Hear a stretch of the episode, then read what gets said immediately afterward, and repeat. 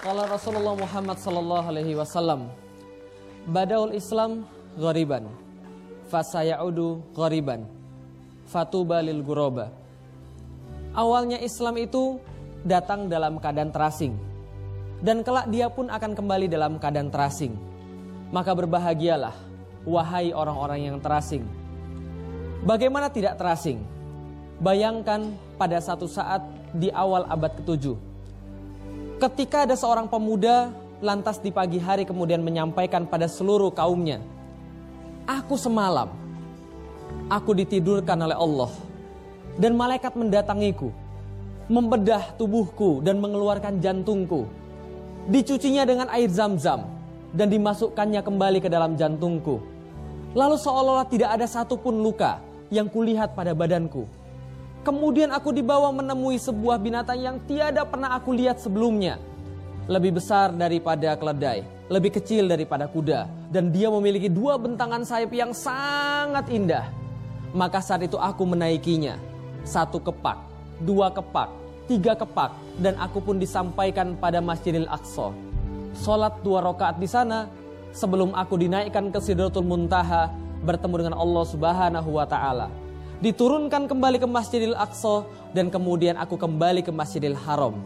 Semuanya terjadi hanya dalam waktu satu malam. Kontan seluruh orang Quraisy berkata, Muhammad sudah gila. Muhammad tidak punya logika.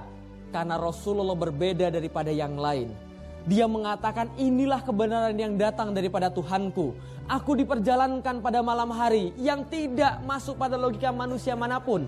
Rasulullah berbeda daripada yang lain.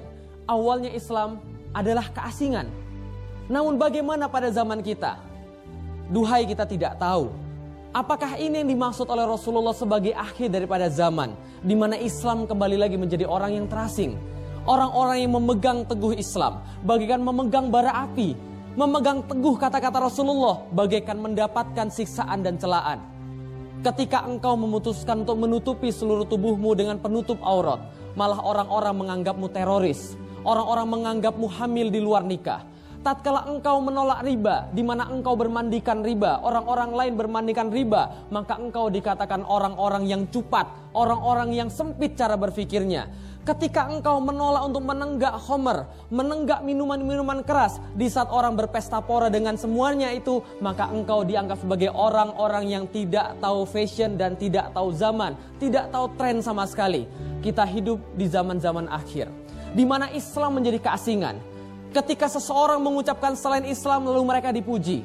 Ketika orang mengucapkan selain Islam lalu mereka dikatakan hebat. Sementara orang yang mengucapkan Allahu Akbar dikatakan sebagai teroris padahal dia bangga dengan Tuhannya. Apakah tidak datang kepada kita? Allah berkata di dalam Al-Quran. Wa man ahsanu qalan mimman da'ilallah wa amilu solehan wa qala innani minal muslimin. Tiada yang lebih baik daripada orang-orang yang melisankan diri bahwa dia beriman pada Allah dan dia juga beramal soleh dan dia mengatakan aku adalah bagian daripada umat muslim tanpa dia kemudian ragu sedikit pun. Tanpa kemudian dia malu sedikit pun. Berbeda itu biasa. Namun berbeda karena Allah adalah sesuatu hal yang istimewa. Tatkala kita mau menjadi orang yang sedikit untuk bertahan, untuk menurut pada syariat Allah. Ketika kita mau menjadi orang yang sedikit untuk menaati Allah dan untuk kemudian menghamba kepada Allah. Di saat banyak manusia tidak memahami. Di saat banyak manusia yang merusak, kita memperbaiki. Di saat banyak manusia yang takut, kita tidak takut. Di saat manusia-manusia menghamba pada selain Allah, maka kita menghamba karena Allah. Berbeda karena Allah. Beranilah menjadi orang yang berbeda berbeda. Karena pujian manusia, celaan manusia tiada bedanya. Karena mereka tidak akan menyengsarakan kita dan bukan mereka memberikan kita pahala. Hanya karena Allah kita berbuat, hanya karena Allah kita kemudian melakukan ibadah, karena hanya pada Allah kita dikembalikan pada satu saat yang tidak ada keraguan di dalamnya. Terima kasih. Assalamualaikum warahmatullahi wabarakatuh.